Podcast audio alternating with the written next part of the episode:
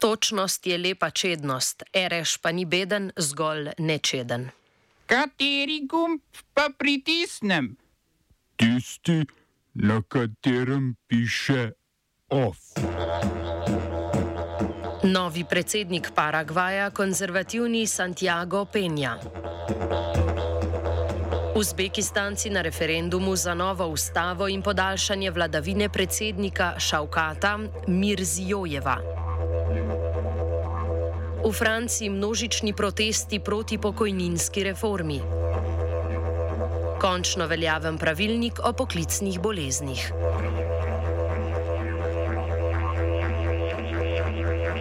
Na predsedniških volitvah v Paragvaju je s 43 odstotki glasov zmagal kandidat vladajoče desničarske stranke Colorado Santiago Penja.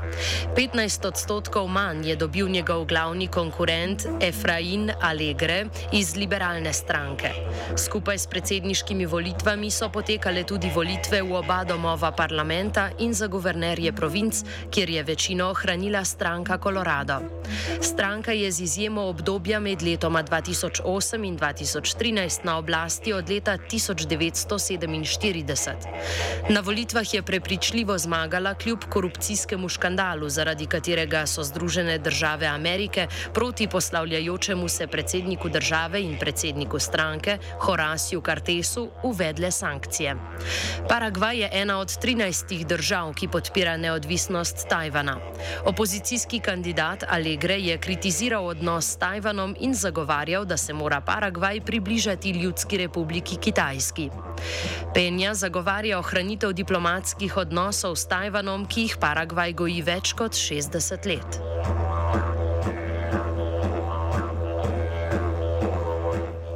Uzbekistanu so voljivci z 90 odstotki podprli novo ustavo, ki predsedniku Šaukatu Mirzijojevu omogoča še 17 let oblasti. Nova ustava, tako kot prejšnja, število predsedniških mandatov omejuje na dva, vendar se bo s premembo ustave štetje mandatov začelo znova. Bo pa mandat na mesto pet let trajal sedem let. Mirzijojev tako lahko vlada do leta 2040. Druge spremembe vključujejo odprave smrti smrtne kazni in krepitev pravne zaščite državljanov, vključno z obtoženimi kaznjivih dejanj. Število senatorjev zgornjega doma parlamenta bo zmanjšano z 100 na 65. Referendum je predsednik načrtoval že za lansko leto, vendar ga je prestavil zaradi množičnih protestov v regiji Karakal, Pakistan, saj so ustavne spremembe tedaj vključevale preklic pravice Karakal, Pakistana, avtonomne republike v Zahodnem Uzbekistanu, do odcepitve. Od teh sprememb je predsednik odstopil.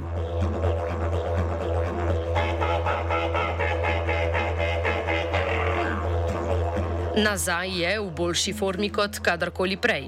Potem, ko so prejšnji teden odjeknile novice o njegovem slabem zdravstvenem stanju, se je kot Feniks iz pepela vrnil turški sultan, novi Mehmed, drugi osvajalec Recep Tayyip Erdogan.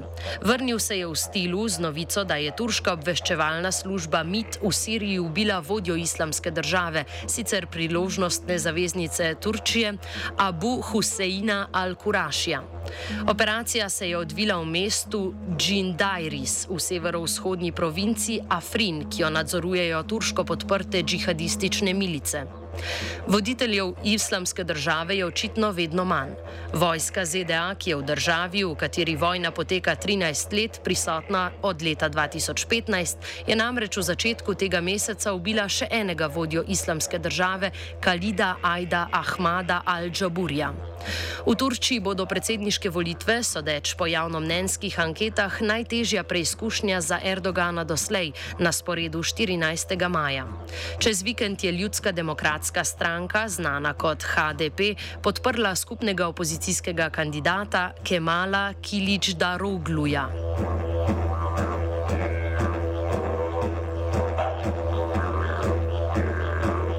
Sudanska vojska in sile za hitro posredovanje, bolj znane kot RSF, so podaljšale sporazum o začasni prekinitvi spopadov za tri dni. Prejšnje podaljšanje premirja, ki je bilo sprejeto v četrtek, sta sicer obe strani kršili. Vojska trdi, da je premirje podpisala v luči pogajanj za končanje konflikta, pri katerih glavno vlogo igrata Saudova Arabija in seveda ZDA. RSF so k sporazumu pristopile, da bi bil omogočen prihod humanitarne pomoči v državo. Generalni sekretar Združenih narodov Antonio Guterres je dejal, da so v Sudan takoj po podaljšanju premirja Združeni narodi poslali konvoj s humanitarno pomočjo. Zaradi spopadov za oblast, ki so se začeli pred dobrima dvema tednoma, je po podatkih Združenih narodov umrlo okoli 500 ljudi, 6 tisoč jih je zapustilo državo, več kot 70 tisoč pa jih je moralo zapustiti svoje domove.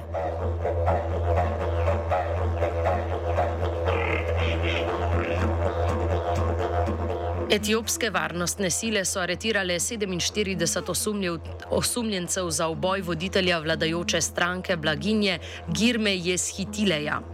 Skupaj s štirimi spremljevalci so ga ubili prejšnji četrtek med obiskom severne regije ah Amhahara. Varnostne sile trdijo, da so pri aretiranjih našle orožje, bombe in satelitsko komunikacijsko opremo. Dejali so tudi, da osumljenci sodelujejo s tujimi državami, da bi pridobili oblast v regiji Amhara in usmrtili vse tamkajšnje odločevalce. Prejšnji mesec so v tej regiji potekali protesti zaradi odločitve zvezdne vlade Abija Ahmeda, da razpusti regionalne sile in jih vključi v nacionalno vojsko. Amharske regionalne sile so poleg zvezdne vojske igrale ključno vlogo med dvoletno državljansko vojno v sosednji regiji Tigraj, ki se je novembra končala z mirovnim sporazumom. Po mirovnem sporazumu so uporniške skupine pristale na razorožitev in vključitev v redno etiopsko vojsko.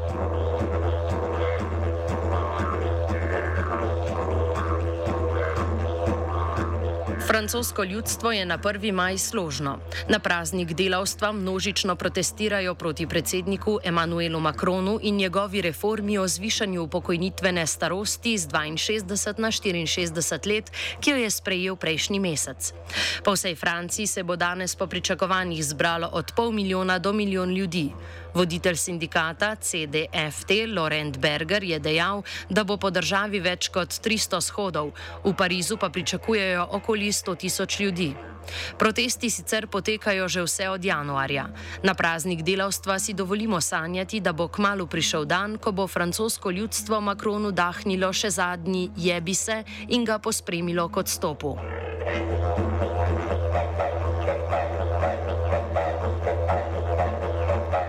Italijanska premijejka Giorgia Meloni je za 1. maj sklicala sestanek sveta ministrov in zahtevala prisotnost delavskih sindikatov za razpravo o novem delovnem dekretu. Ta odpravlja temeljni dohodek in namesto njega uvaja inkluzijski ček, ki ga bodo lahko koristile družine z invalidi ali mladoletniki in starejši od 60 let. Pomoč znaša 500 evrov mesečno in prispevek za najemnino za stanovanje, ki znaša 280 evrov na mesec. Novi dekret Dekret bo v veljavo stopil z naslednjim letom in se bo izvajal 18 mesecev, po evalvaciji ga bodo podaljševali za 12 mesecev. V sindikatih so ogorčeni, da jih je premijejka povabila na razpravo o že sprejeti reformi, pri kateri ne pušča prostora za kakršnakoli pogajanja. Sindikati od vlade zahtevajo, da dvigne plače in izvede pravo davčno reformo, ki bi veljala za finančne in nepremičninske dohodke ter zmanjšala obdavčitev mestnega dela. Smo se osamosvojili, nismo se pa osvobodili. Naslednje število je še 500 projektov. Izpiljene modele, kako so se strani nekdanje LDS rotirali. Ko to dvoje zmešamo v pravilno zmes, dobimo zgodbo o uspehu. Takemu političnemu razvoju se reče udar. Jaz to vem, da je nezakonito, ampak kaj nam pa ostane? Brutalni obračun s politično korupcijo. To je Slovenija,